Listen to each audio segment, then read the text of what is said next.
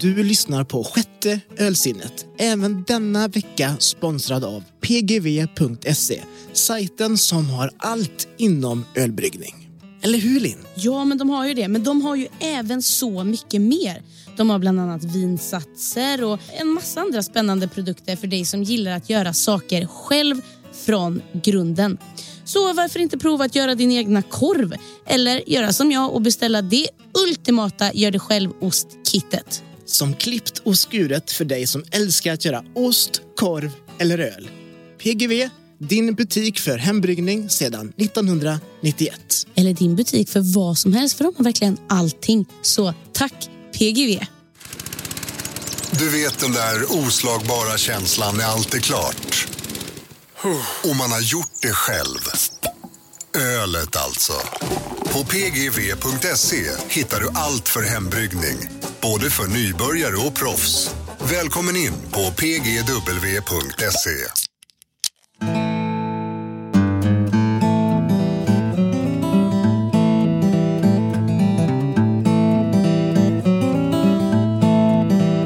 Hej alla öldrickare! Ni lyssnar på sjätte ölsinnet. Linn Åsroth heter jag och han där mitt emot, han heter Lelle Forsberg. Vi är tillbaka på balkongen Linn. Hur känns det? Jo men det känns skitbra. Vi sitter ju här och tittar på eh, fjolårets eh, projekt. Den där eh, härliga solbädden som vi kämpade med. Den är jag nöjd över. Nu får du lägga ut ett foto på Instagram bara för det. Mm. Så att folk kan se vad vi byggde en, ett par soliga sommardagar eh, förra året. Men du får väl lägga dig där och så får, får vi ta en bild som Absolut, är bra. absolut. Vi, vi ska ut och resa. Vi tar ju med er i sommar på en ölseglats av sällan skådat slag. Vi har färdats längs Göta älv och idag ska vi lägga an skutan i Lilla Edet.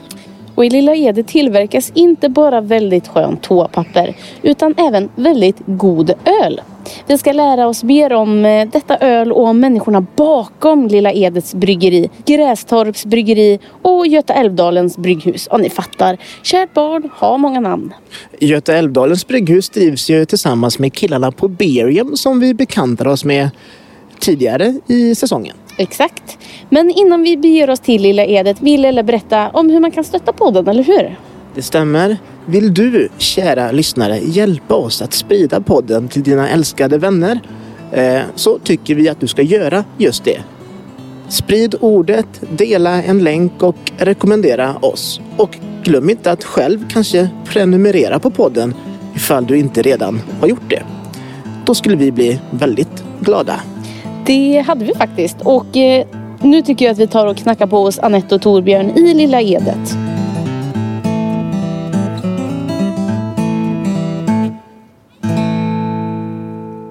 Torbjörn Bryggare.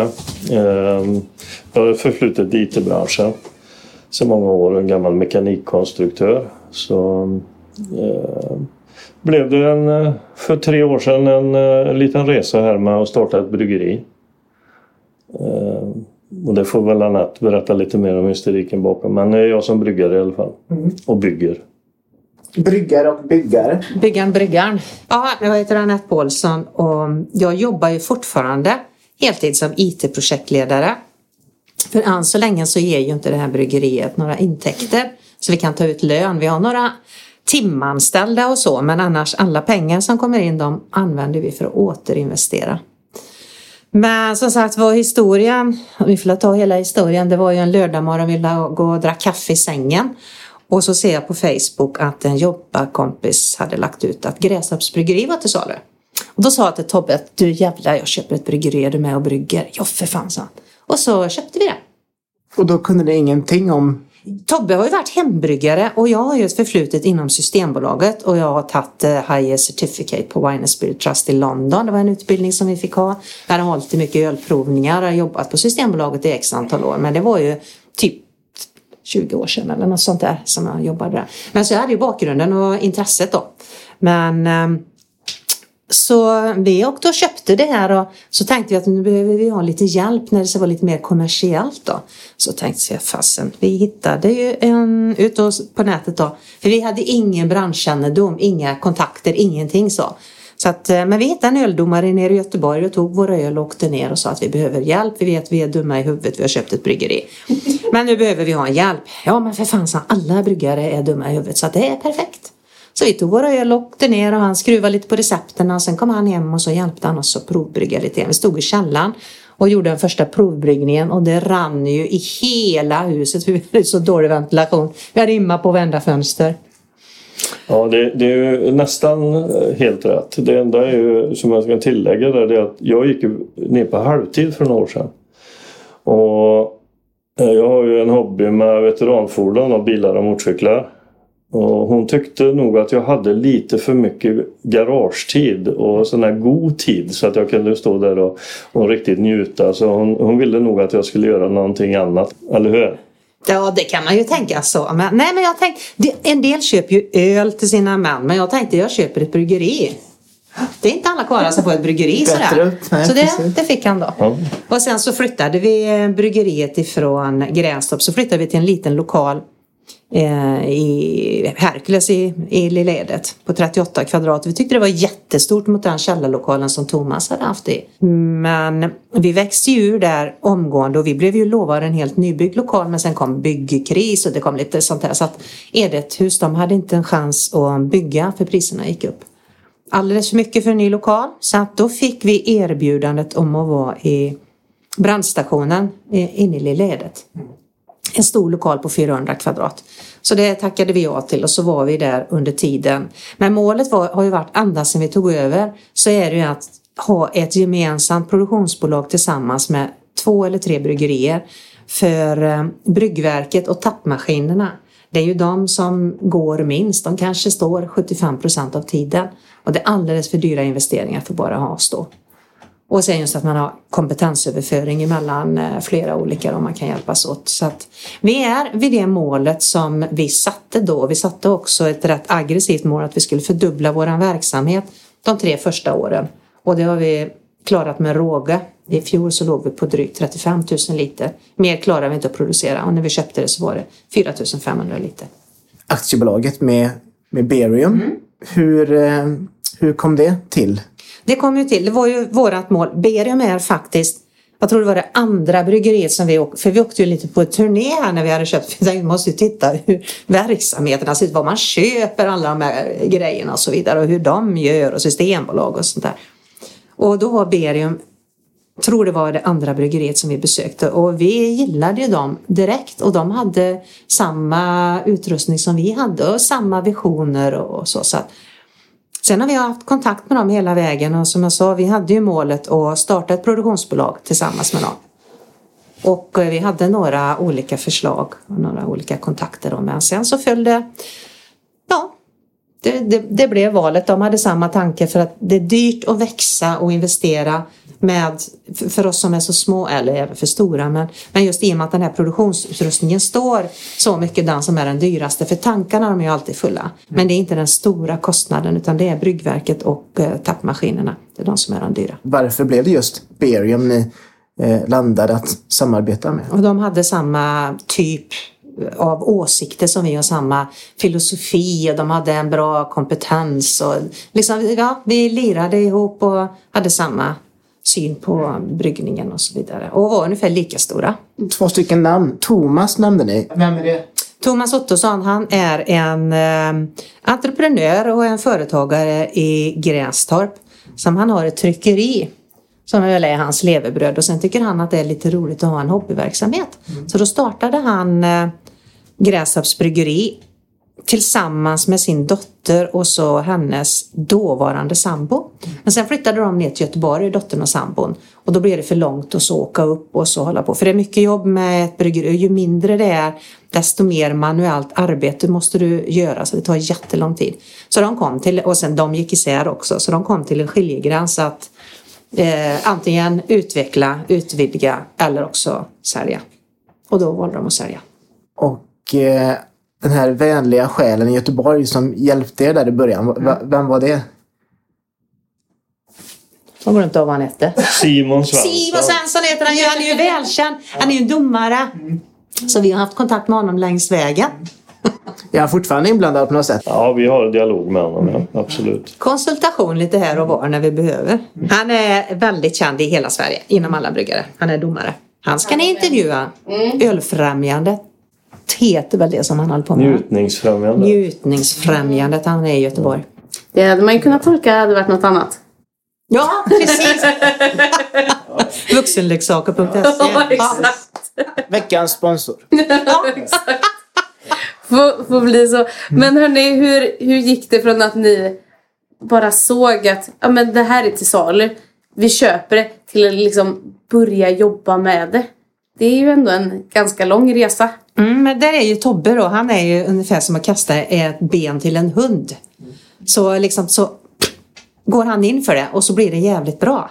Jag är ju lite mer flyktig. Alltså det, går det inte bra med en gång så skiter jag i det. Så. Det, det, det måste, jag använder stora tröskverk och traktorer men Tobbe han går in med, han kan sitta med smågrejer så. Så att eh, ja, nu kan du prata lite grann för han är väldigt, nu pratar jag hela tiden tänker jag. Nej men du är ju jäkligt duktig på det där.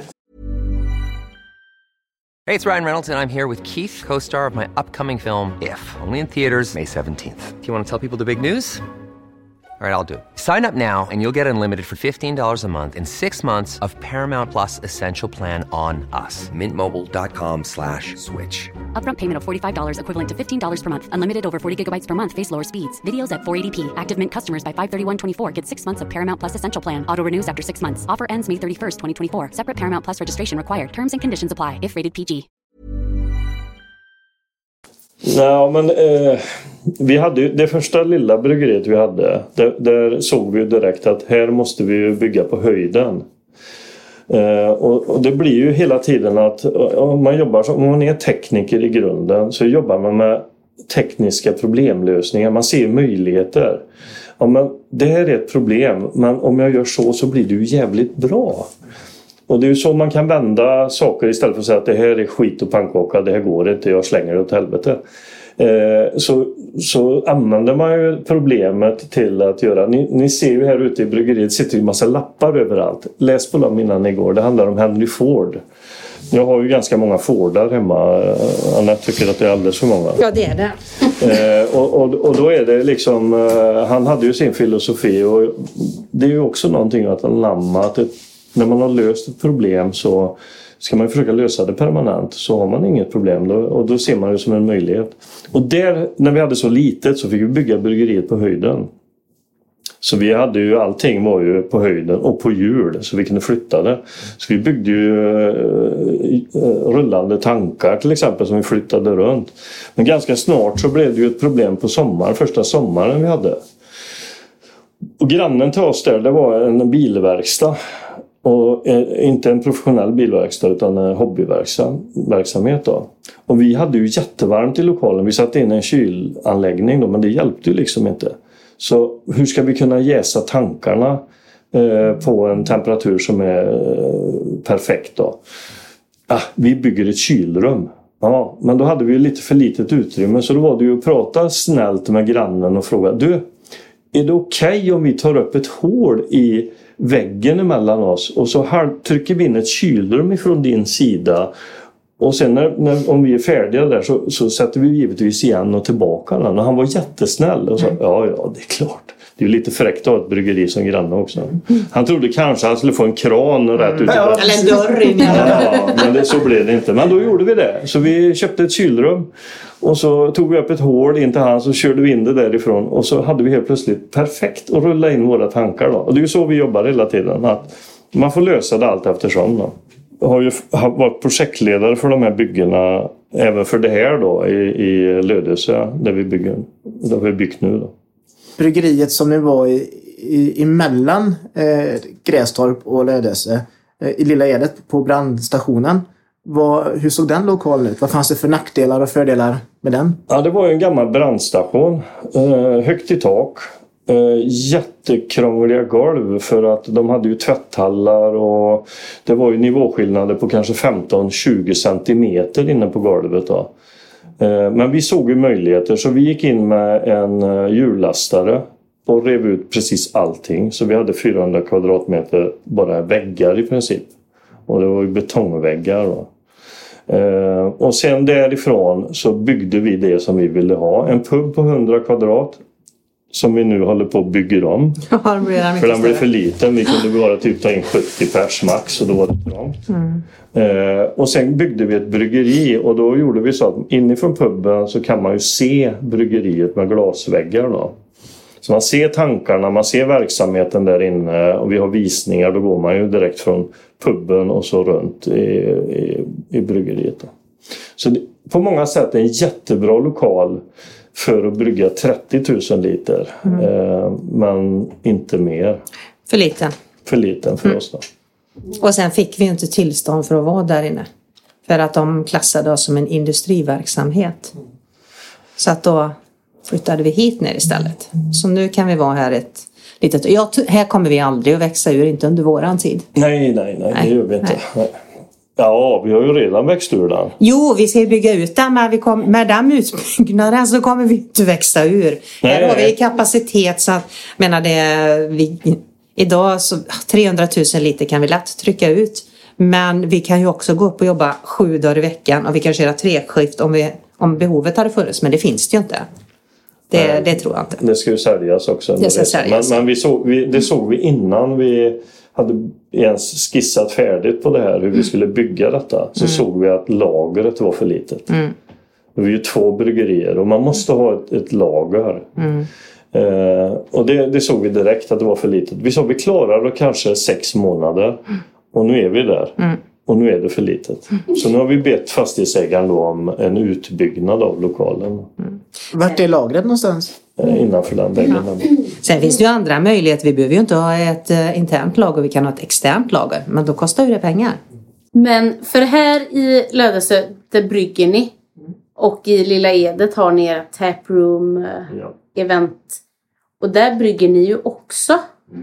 Vad är det som ni brygger där nu? Är det också lite så experimentellt? Ja, det är ju lite experimentverkstad. Det är ju småbatcher som vi gör där. Och, men vi har också tänkt att vi ska ha kanske Sveriges färskaste öl i våran pub. Eh, Så vi ska dra till våra ta- större tankar som vi har där ska vi dra eh, slangar direkt ner till eh, baren.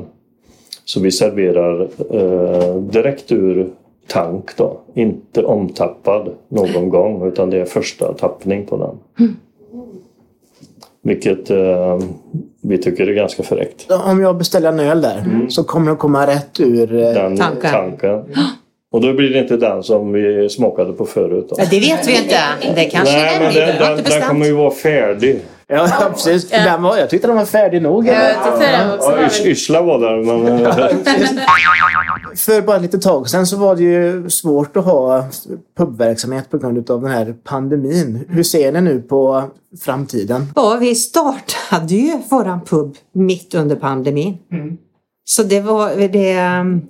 Men på ett sätt så har det varit bra för oss för att i och med att vi har hållit på och byggt här hela tiden med eh, bryggverken eller de här olika bryggerilokalerna och så, så har det ändå varit rätt bra för att vi har hunnit med den delen och sen som sagt jag jobbar ju med annat också. Så att vi har ju lyckats att ha våra evenemang i alla fall.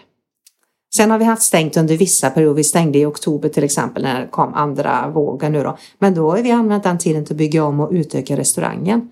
Så att den kommer ju bli mycket större plus att vi även kommer öppna upp en eh, lunch och eh, frukostservering. Så vi Det kommer ska vara verksamhet eh, konstant, inte bara Nej, inte bara och- event, utan det kommer vara onsdag till lördag som vi har bestämt just nu då. Sen kommer ju det vara flexibelt och så, men och då kommer det vara öppet främst förmiddagen och så, ja, fram till tidig eftermiddag. Och sen blir det event på fredagar. Inte alla fredagar, men lite då och då. Och sen har du möjlighet att kunna hyra puben, hela restaurangen, för det har vi ett stort intresse av både från föreningar och företag. Man går in och så hyr man hela puben och så kör man sitt eget event. Och där har vi haft busslaster som kommer från andra kommuner som har hyrt in sig för att kunna köra sin egen event. Då. Det kan varit födelsedagar och det kan vara föreningsstämmor och så, årsmöten. Och firande. Bröllop. Bröllop har vi haft, ja. Just det. Och, Det borde vara en stor efterfrågan på bröllop nu. Ja, det kommer att komma nu. Så att vi har, ha- vi har liksom känt oss fram och och tänkte lite grann på det idag. att när vi började med den här puben så var det en smakpub. Då fick vi bara servera 15 centiliter i varje glas. Och sen så hade vi smak eller pubbrickor med lite sån här kallskuret på. Men då hade vi papptallrikar. För vi hade inte råd att köpa de här träbrickorna. Och sen så fick vi råd att köpa dem och sen fick vi råd att köpa bestick och sen fick vi råd att köpa en det så att vi liksom växt varefter vi har haft pengar i plånboken istället för att gå in med ett stort lån. För då hade det varit betydligt värre under pandemin. Men det har gjort att vi har inte behövt haft öppet. Utan vi har klarat oss ändå. Men det här med restaurangverksamhet, det är ni som håller i den också? Ja. Så ni kör verkligen eh, bryggeri, restaurang, evenemang? Mm. Utöver era andra jobb. Jo. Jobb och intressen, ja. ja. När sover ni? Ja, det händer. jo då, vi sover alltid, det gör vi. Så, ehm, och vi har ju vi har en kock som tack vare att England gick ur EU, de Brexit, så hon var gift med en engelsman och hon fick inte vara kvar i England trots det. att De har varit där i 18 år.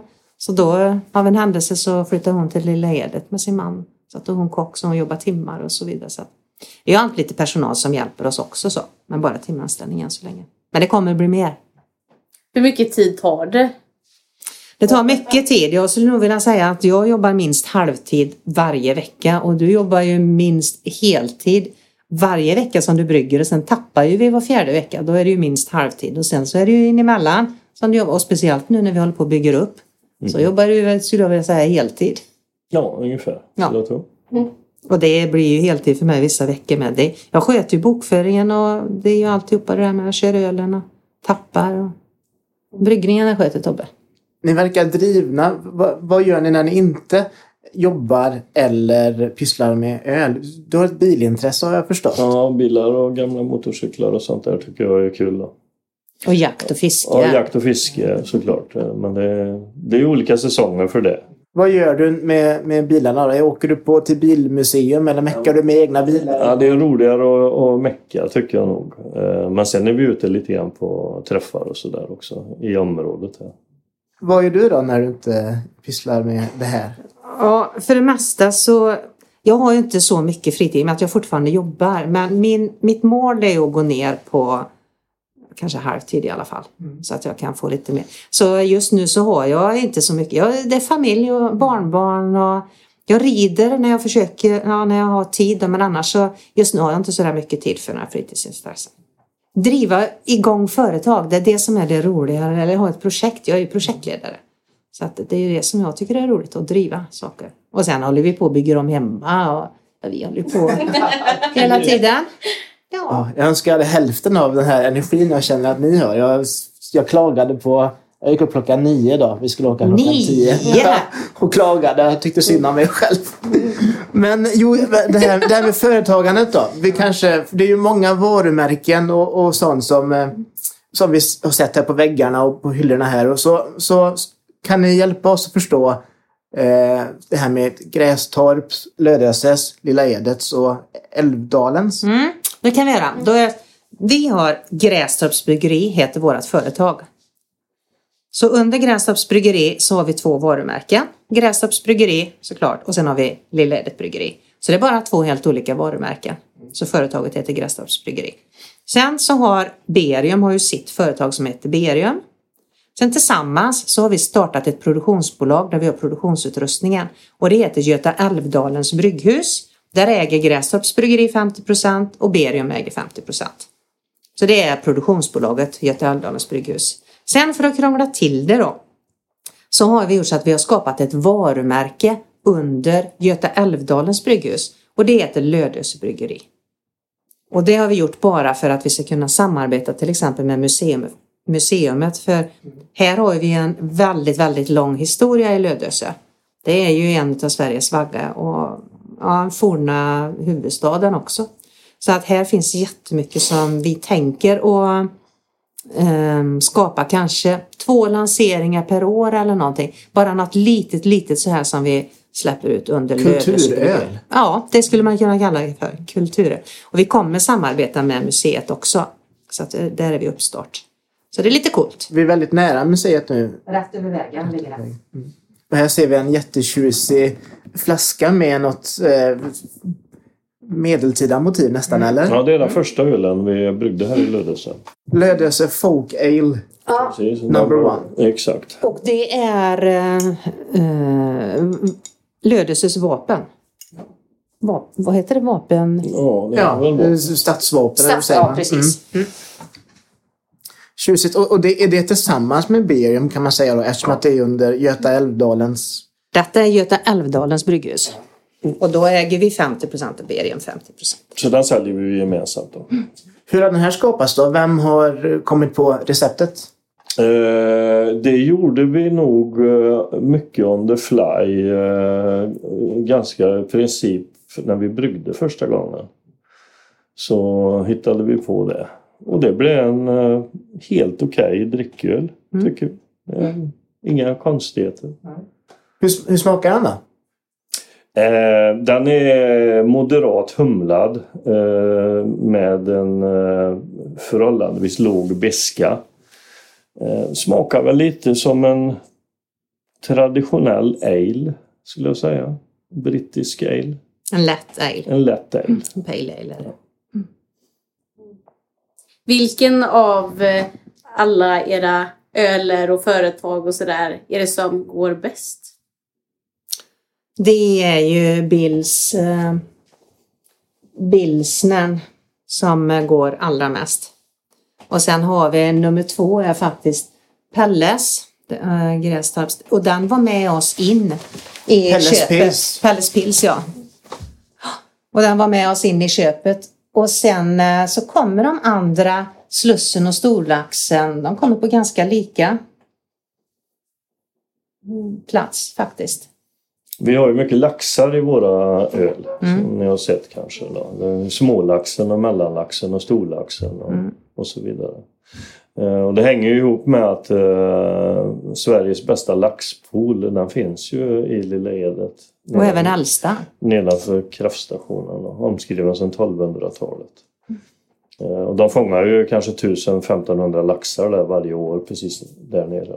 Men eh, där, där har vi en eh, lax, eller en, ja, det är en lax på etiketten som släpps tillbaka. Då. Eh, Och vi släpper tillbaka nästan all vildlax idag. Är, man tar kanske någon matfisk per säsong men vildlaxen är utrotningshotad.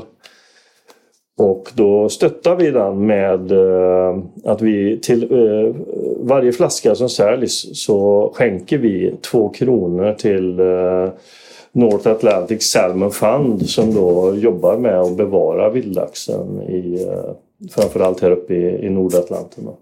Och hur gör de det? Ja, de jobbar ju proaktivt med fiskodlingar med, med eh, eh, fasta fisken i fjordarna då som stoppar laxens uppvandring. Eh, Och det är att de köper upp dem och lägger ner dem, eller hur gör de? ja, det, är- det är ju ett exempel på att man kan investera i, i att köpa in ett sånt fast fiske då. Till, till exempel i, precis i mynningen på en fjord. Fin Det är, grej. det är också mycket liksom, att göra folk medvetna om det. Så det var därför vi bestämde oss för att, eh, jag och Pontus då, att den här, eh, vi behöver göra någonting för laxen. Och vad kan vi göra? Men vi brygger ju en öl. Ja men då gör vi en laxöl då. Så, så alltså, det är just den ölen som... Ja. Eh, Just den ölen. Hope for the Wild Salmon heter den. köp ett helt gäng. Hjälp oss bevara laxen. Ja den är jättepoppis det. Det är som den här odlade laxen gör ju att laxlusen biter sig in på de vilda laxarna. Och även på de odlade. Ja, det ju mycket antibiotika i dem. Så det är ju ett okynne med den. Man ska ju inte köpa odlad lax. Det, så är det. Det är väldigt, väldigt eh, farligt för den vilda laxen. Då. Ett stort hot för den vilda laxen. Vi på sjätte ölsinnet är ju även denna säsongen sponsrade av Criopack. Och Madeleine på Criopack har ett litet meddelande till alla våra lyssnare. Hos eh, CreoPack kan du köpa pallvis med ölflaskor till just ditt bryggeri. De har även kapsyler med tryck från 500 stycken helt utan startkostnader. Mixa och matcha med era olika ölsorter, årstider eller till unika kundbeställningar. Mer information hittar du på hemsidan www.creopack.se eller så kan du kontakta dem för en offert. Tack CreoPack! Hope for the Wild Salmon. Det är en nejpa 8% Idén till Hope for the Wild Salmon föddes på en strandbrink vid River Dee. Lorden och Tobbe satt och spanade efter hoppande laxar över en favoritöl de hittat i Skottland. Laxarna lyste med sin frånvaro och de diskuterade hur de kunde hjälpa dem i haven. Svaret blev flaskan du håller i handen. En egen nejpa. Där två kronor för varje såld flaska kommer skänkas till NASF. North Atlantic Salmon Fund. Denna New England IPA har en rund och fyllig kropp med en behaglig beska. Doften innehåller hela fruktkorgen och i smaken kan man även ana andra bärs... Andra bärssort... Andra bärsorter. Ursäktas. Vet du vad jag älskar när de gör öl för en for a good cause? Mm.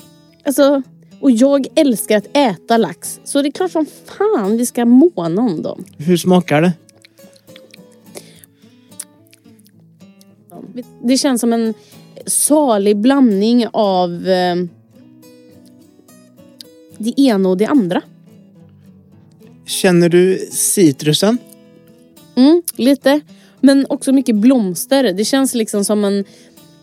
Du vet när man står på en eh, solrosäng. Du bara står där och virvlar med någon vit klänning som folk gör. Snoret rinner, ögonen kliar. Exakt. Svårt att andas. Mm, pollen tar över. och då, då har du en sån här till hjälp i fickan. För då, då löser sig allt. Nej men eh, den var, den var otroligt spännande, smakrik. På ett sätt som kändes somrig, härlig. Men den kändes trevlig. Ska, ska jag ge den en chans också eller? Mm.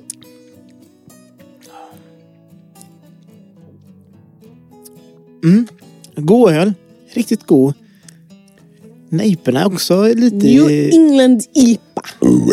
De går också lite nu i... De är ju... Ja, de är ju heta. Vi tar en klunk till så att ni får eh, en mer akkurativ beskrivning av hur den här smakar. En akkurativ beskrivning då? Men svingod, lättdrucken, fruktig. Eh, jag skulle aldrig säga att det här var en eh, 8 procentare. Nej, gud nej. Alltså den hade ju så mycket smak. Mm. Mm. Väldigt fruktig, somrig. Men fan, klockren öl. Jag säger så här. Har du aldrig druckit den innan, testa den. Du kommer gilla den. Och fyra kronor går till... Eh, Två kronor per burk. två kronor per burk går till laxens eh, fortsatta leverne.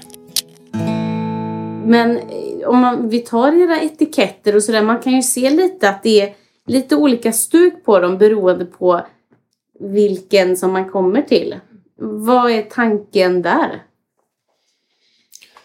Ja, Hur menar du? Du menar att Grästorps bryggeri har en, har en grafisk profil och Lilla Edet har en annan? Precis. Mm, mm.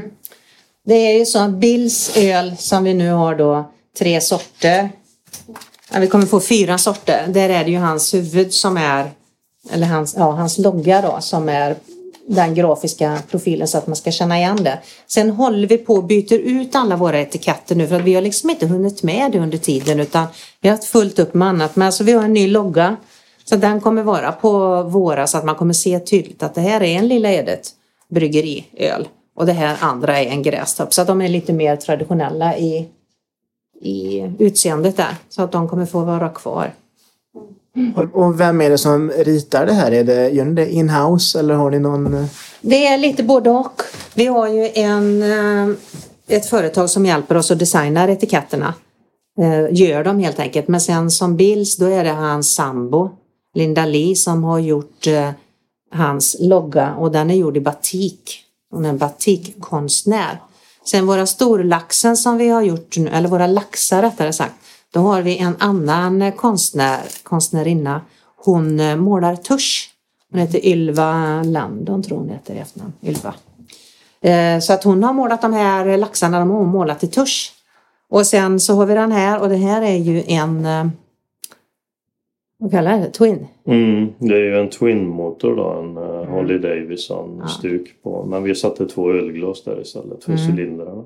Man får inte ha motorer och fordon och sånt med på etiketterna. Får man inte det? Nej, det är inte tillåtet. Då. Det får inte förknippas med massa saker men framförallt inte fordon. Eh, Och öl och fordon det hänger inte ihop. Men den här är ju lite rolig för att eh, den har vi gjort om några gånger i och för sig. Nu är, det ju, nu är den här gjord för burk. Då. Eh, Fatheads heter den. Så den bryggde jag för att vi hade så mycket strul med, med myndigheterna kring bygglov och liknande. Eh, så därav namnet då. Tjockskalle. Exakt. Tjockskallar. Fatheads är ju också ett varumärke inom Holly Davidson-sfären. Och så kan man ju också notera att du sitter ju i en Harley Davidson-tröja. Mhm. Vi kör ju Harley Davidson båda två. Det är ju vårt intresse. Så vi har ju några cyklar. Även jag har en, några cyklar. Sen är det så att vi har alltid en liten historik kring våra öl. Så, och där står det lite grann om just den historien om Slussen, om hur Harald Hårfager drog alla sina skepp upp här när han skulle ner till England och Hastings och kriga och så vidare. Och um, Är det det som är QR-koden på dem? QR-koderna på dem, det är till våran Facebook, det är till våran hemsida och det är till vårat Instagram. Mm. Så att då kommer man ut och så kan man titta på den där. Men det är ju också, det är ju lite kul för det finns ju oerhört mycket historia framförallt i Lödöse men mm. ja, i hela Götaälvdalen. då. Eh, och en, den kommande ölen, en av de kommande ölen som vi, som vi ska släppa då, den kan troligen få namnet Skiägge. Eh, därför att eh, när de slogs här så var ju norrmännen på andra sidan älven bara några hundra meter bort. Och här var ju svenskar på den här sidan, nu pratar vi ju 1000-1200-talet någonstans där. Och då byggde ju Sverige en jättelik kanon. För att nu skulle de minsann få norrmännen då så att de eh, byggde en, jag tror den vägde 20 ton. Och det var 75 oxar som enligt eh, skrifterna skulle dra den över älven och, och elda på ordentligt. Då. Den var så stor så att en skräddare kunde sitta och jobba inne i kanonröret.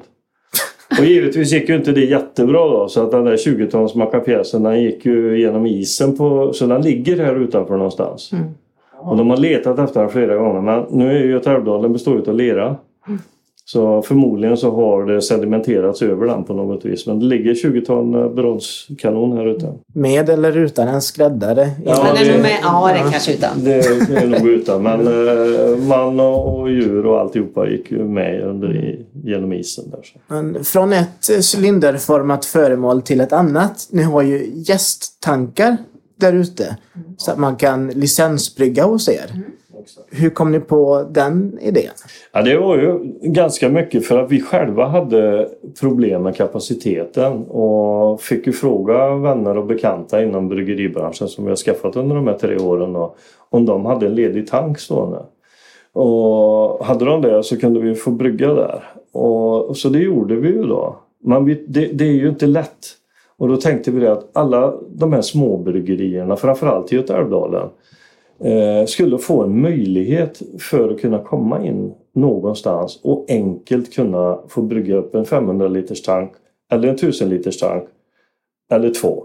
Eh, beroende på vilken försäljning man har då. För småbryggerier det kanske räcker med en 500 liters tank eh, för dem då. Beroende på vilken försäljning man ligger på då.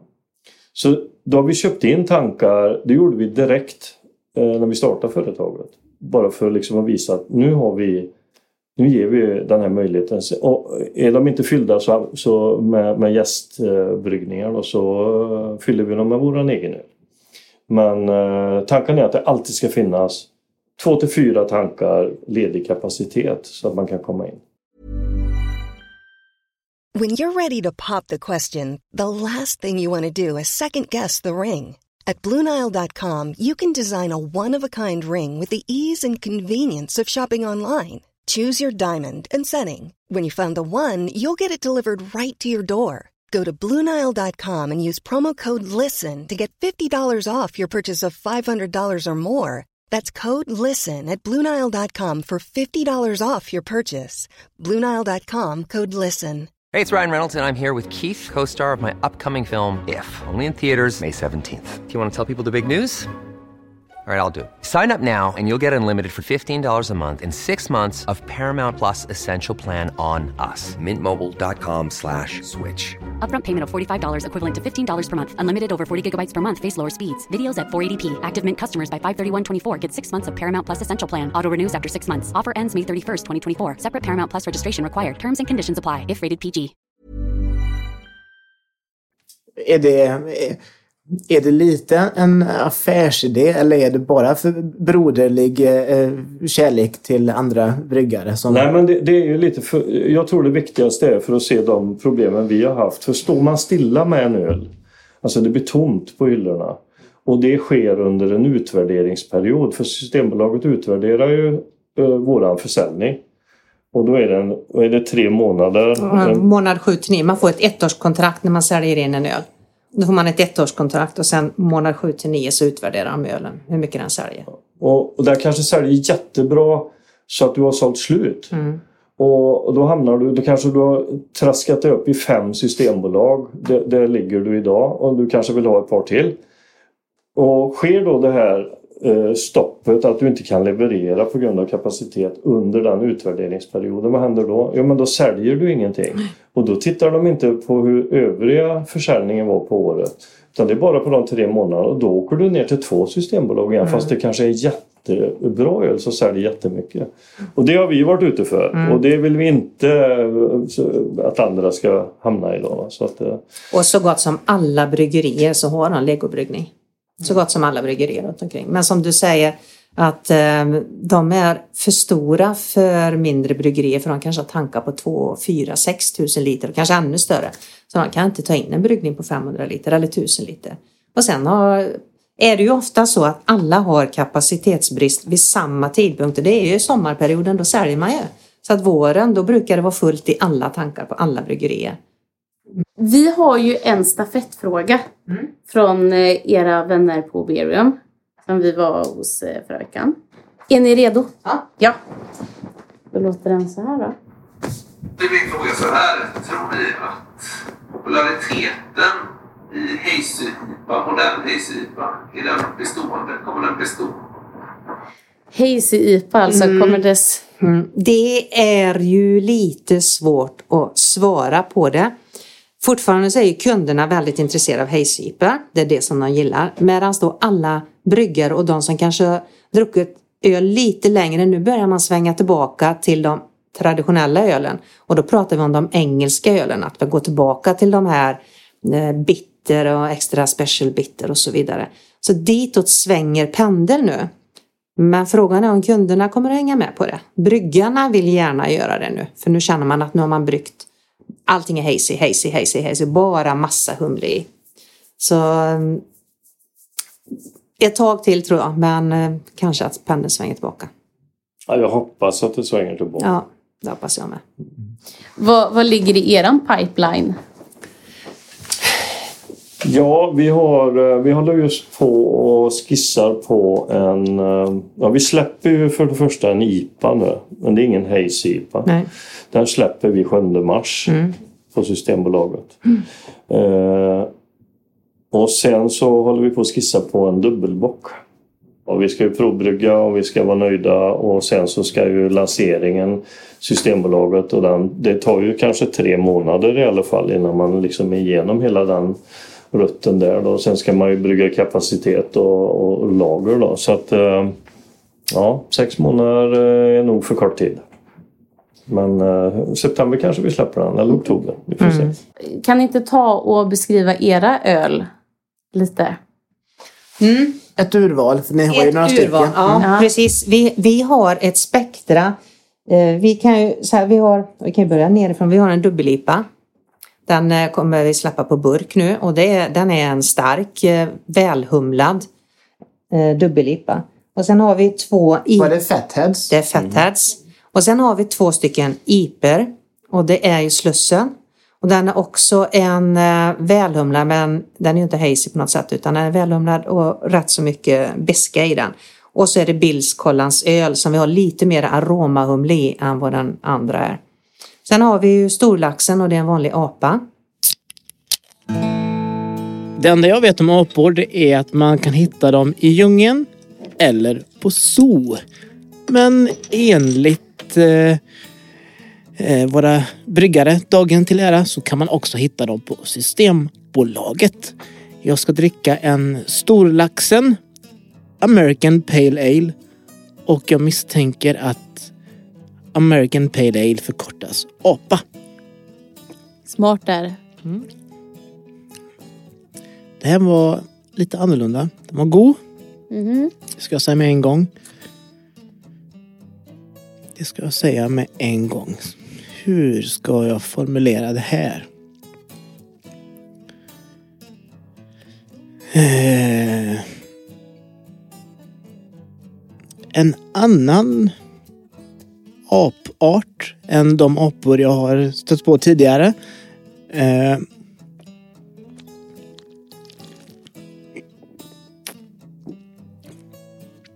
ganska mild och len, enkel att eh, inmundiga, lättdrucken.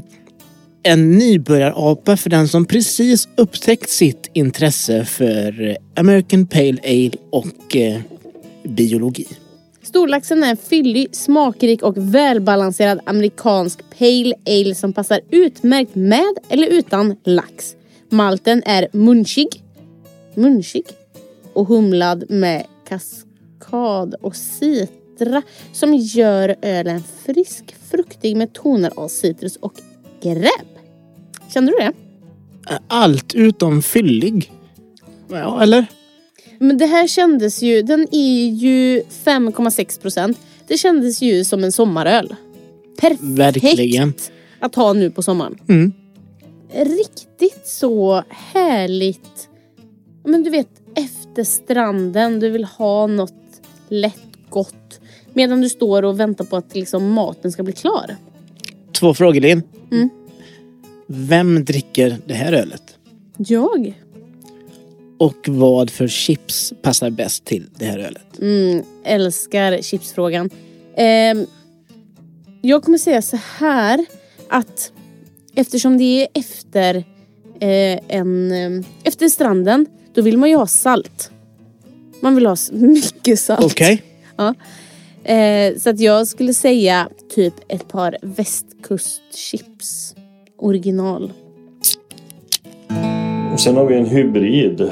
Ja, Pelles pilsner. Eh, Den är ingen pilsner för det är en överjäst öl.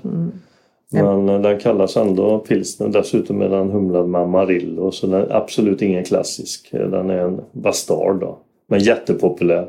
Verkligen. Hur definierar man en pilsner då? En pilsner är ju en, en underjäst öl. En kalljäst öl. en ale är en överjäst. Så Pelles den är en pale ale. Men den var inklassad som en eh, pilsner när vi köpte och vi har inte hjärta att ändra den. Den säljer jättemycket och vi har haft kunder som säger att det är den bästa typ tjeckisk pilsner de har druckit och då har vi inte hjärta att säga att det är ingen typisk så utan eh, den säljer och det är en jättetrevlig öl. Den är lätt och ja, typ sommaröl så men den säljer bra året om. Jag såg en dokumentär igår om blåvalar. Och där fick jag lära mig att blåvalar kan para sig med sillvalar. Och det har forskarna inte vetat eh, särskilt många år. Men det är sanningen. Och om en blåval parar sig med en sillval, då får man en Pelles pils. En pilsner som egentligen inte är en pilsner. Men Ale. Pelles Pils. Bra namn. Och nu är vi under varumärket Grästorps Bryggeri Aktiebolag.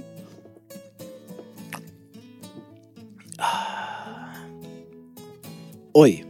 Oj, oj, oj, oj, oj, oj. Står till mig på latin. Instas harmoni. Och jag tror det betyder harmoni på momangen. Och det är precis det jag känner. Instas Harmoni. Jag blir lycklig utav den här ölen. En riktigt fin öl. Riktigt jävla god. Jag kan inte känna om den är ekig eller tallig. Men jag kan känna om den är god. Och den här ölen är mäkta god. Men det här är ju typiskt en sån som eh, smakar, det är alldeles för lätt. Alltså alldeles för lättdrucket. Det bara slinker ner utan problem.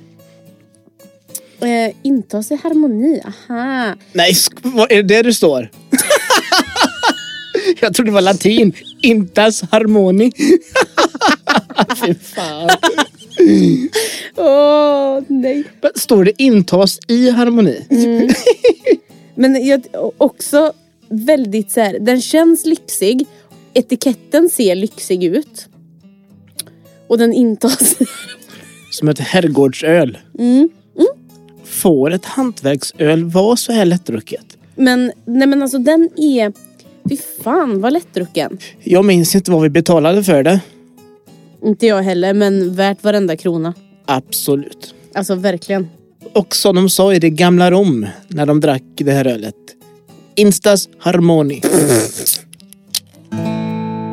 Så vi har ett spektra där men Systembolaget är ju den som bestämmer våra sorter så att vi kommer få ta bort våran eh, Karlssons pilsner för att vi får inte ha tre stycken pilsner. Vi får bara ha två. Så att då, de bestämmer vårat sortiment. Och de vill helst att vi inte har mer än tio sorter på hyllan och det är så för alla små bryggerier och inom TSL. Så att det är de som begränsar. Därför så blir man ju lite tvungen att brygga det som folk mest dricker. Så att då blir det ju de här klassiska ölen som eh, får stryka på foten då. För att vi har ju haft en ESB till exempel, extra special bitter. Och där är folk lite rädda för den för de tror att det är en väldigt besk öl. Den är ju inte besk, den är en väldigt snäll öl, du har knäckiga toner och den är välbalanserad både med malt, jäst och humle så att allting, eh, det finns inget som sticker ut utan alla de här olika smakerna får lyftas fram i ölen och man känner dem. För en humla, det är en hej IPA, där känner du bara humlen. Du har nästan ingen maltton och absolut ingen jästton i den. Så att eh, för att tittar man på en veteöl till exempel, då har du ju nästan ingen humle i den utan det är jästen som sätter smaken på ölen. Så att det här med att man bara har humle, det är tråkigt. Vi hade en Red Ale också som var helt fantastisk men det säljer väldigt, väldigt lite. Och då åker man ut från Systembolaget så att det är de som gör de begränsningarna. Men den här kanske ni har i eran hubb? Det kan tänkas att vi kommer att ha det framgent. Just nu har vi ju som sagt var kapacitetsbrist men vi håller ju på och bygger upp så att Men sen har vi ju en Hazy Neipa. Mm. Eh, Det har vi. En. Eh, Vi ska nog inte ha så många fler utan det får räcka med den. det är vildlaxen, det är Hope for the Eh, Wild Salmon. Hope for the Wild Salmon, ja. Och det, vi har heller inte i några puréer eller frukter eller Nej. något sånt konstigt utan vi har ju försökt att köra eh, så nära eh, renhetslagen som möjligt då, med bara humlekorn, eh, jäst och vatten. Mm. Men nu har vi faktiskt gjort ett avsteg från det. För att vi kommer att släppa en sommaröl. Eh, och eh, några här har smakat på den idag. Eh, och det är, den har eh, faktiskt eh, lite apelsinskal i sig också. Vilket är helt nytt för oss. Vi har inte gjort det tidigare. Men det var så att vi var och, och smakade en sån öl på ett eh, annat bryggeri. Och den, jag tyckte den var makalöst bra. Som är just sån läskande sommaröl. Och det är klart, när man tänker man har en, en eh, vad heter den där eh, mexikanska Ja, man slänger i en limeskiva så får man helt Ja, är det plötsligt San Miguel eller? Ja, nej, Corona. Corona, ja. Nej. Ja, men man har i alla fall en sån uh, öl som Tequila inte, som, som inte smakar så mycket och så slänger man i en sån och då helt plötsligt blir den ju en drinköl. Desperados. Det, ja. och, och, eh, så, så sa vi det att ja, men vi, kan, vi kan släppa en sån bara för att det är lite kul till sommaren. Och så tar vi i lite apelsin och vi tror nog att eh, den kan bli en hit. Mm, det Låter finns ju somrigt. några som har smakat den som redan nu tycker att den är god. Ja. Jag är också nyfiken på er relation till Systembolaget. Man har ju hört eh, att det är både härligt och krångligt och uppåt och neråt. Vad, vad, vad har ni för tankar kring eh, Systembolaget? Jag tycker att Systembolaget, jag har en bra relation till Systembolaget. Sen är det ju lite tråkigt att de begränsar antalet bolag som man får ha när man ligger i det sortimentet som vi ligger i då, TSLS. Det är de mesta små. Så det är lite tråkigt då för att vi, vi har våra tio bolag nu och där kan vi inte växa mer. Och vi har, de vill ju att vi ska ha ungefär tio öl, inte mer, kanske helst att det bara är fyra till sex stycken och sen resten säsongsöl. Ehm, så den är begränsningen. Men det som är bra med Systembolaget det är ju att ehm, vi får en inköpsorder på ett år när vi lägger en offert. Vi får ta det priset vi vill ha så att det är ingen prispress. Och servicen att vi kan köra upp våra öl till Örebro och att de sen kan levereras ut styckvis till alla systembolag i hela Sverige. Det är jättebra. Så att jag skulle absolut inte vilja att Systembolaget försvann men eh, lite ehm, lättare restriktioner. Men man förstår ju också att det är svårt för dem med 400-500 småbryggerier är vi nog nu och det ska finnas hyllplats till alla. Men å andra sidan har man ett monopol då får man ju se till att man har plats för alla. Så, um, och sen den här utvärderingen som jag gör då, den tycker inte jag är okej. Okay. Man bör utvärdera den under hela försäljningsperioden och inte bara under de här månaderna. För det är ju att släpper du en lager mitt på sommaren när, när den dricks jättemycket så utvärderas den på vintern och då är, dricker du inte så mycket lager. Släpper du en stout mitt i vintern som du dricker då mycket, då, den dricker du inte mitt i sommaren när den då utvärderas. Så att den är Vet ni varför det är så? Månad 69? Det är bara sådana regler som de har satt upp. Så att, och det finns heller ingen regel som säger hur många öl du får ha på hyllan. Och det, jag är ju även eh, kassör i Föreningen Sveriges oberoende småbryggerier, FSOS. Och där driver ju vi, vi har drivit på det här med gårdsförsäljningen till exempel. Och eh, nu så kommer vi jobba med differentierad alkoholskatt. Försöka få igenom det. Som är väl ett av de enda länderna, eller få länder i EU som inte har en differentierad. Och sen ehm, Ska vi förtydliga vad det betyder? Differentierad alkoholskatt? Ja, differentierad alkoholskatt. Det är att man har olika procentsats. Så jag tror att i England till exempel, då har de alla som ligger under jag tror att ni kan gå ut och söka det sen på nätet. Mm. Då. Men vi säger 200 000 liter så har man 50 procent reduktion på alkoholskatten. Och upp till 6 miljoner liter så är det liksom en trappa upp hur mycket du ligger. Och över 6 miljoner liter per år så betalar du 100 procent i alkoholskatten. Då. Så att, eh, och det har de många länder i EU. Att, Men i Sverige så? I Sverige så har vi det inte för att då tror man nämligen att vi kommer att sänka våra priser så att folk kommer att dricka ännu mer. Och det är samma med gårdsförsäljningen då så tror man ju att folk kommer att dricka ännu mer. Men de som dricker jättemycket, de köper inte våra öl för att de är alldeles för dyra. De köper de här som kostar 10-12 kronor för en burk. Så det är Ologiskt tänkande där kanske? Ologiskt tänkande. De hade otur när de tänkte skulle jag vilja säga. Ja.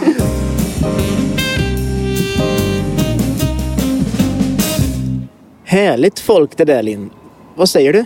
Mm, vilket jävla radarpar. Alltså jag älskar dem. Jo, de var, de var roliga och jag slogs av deras otroliga arbetsmoral och stora kunnande. Det osar liksom entreprenörsanda, kompetens och kvalitet.